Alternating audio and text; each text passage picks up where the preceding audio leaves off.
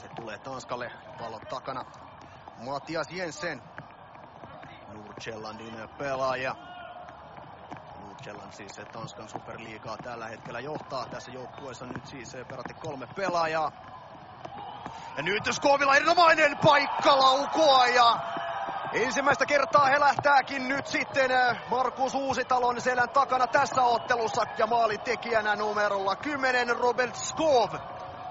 Vasta hetki sitten tästä pelimiehestä muutaman sanan vaihdoinkin ja nyt tässä osoitus siitä, että miksi tämä numero 10 oli iso, isoin kirjaimin laitettu valmentajan kirjoihin. Täällä tapahtuu tässä vielä. Ensin se osuu sääreen ja sen jälkeen vasta ojentaa ja kyllähän se tulee vaarallisesti. Eihän siitä käy kiistäminen, että, että vaarallinen peli oli tuo, mistä toinen kortti tuli, mutta tietysti nyt tällä hetkellä varmasti puoliajalla katsotaan sitä ensimmäistä keltaista ja olisiko se miten ansaittu nyt Skovin vasen jalka. Se laulaa jälleen ja tällä kertaa se laulaa sitten duurissa ja se laulaa toistamiseen ja nyt pallo löytyy Markus Uusitalo selän takana ja Tanska siirtyy 2-0 johtoon kun 31. peliminuutti Helsingin töölössä käynnissä. Ja Skov iskee jo näiden karsintojen viidennen nousumansa. Ottaako siitä vielä kimmokkeen sitten Suomen muurista?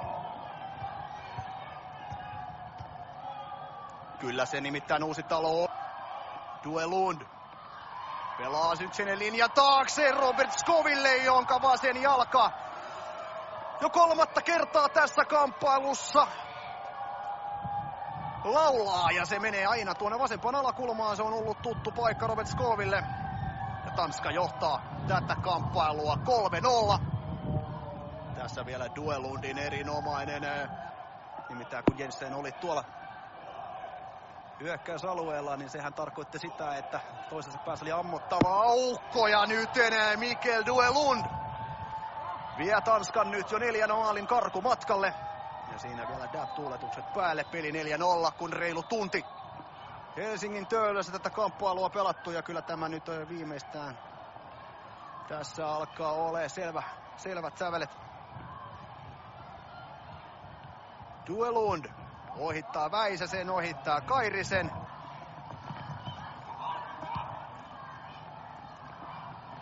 Harha syöttö on nyt, se on paha.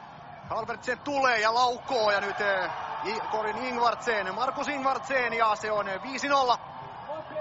Tanska iskee.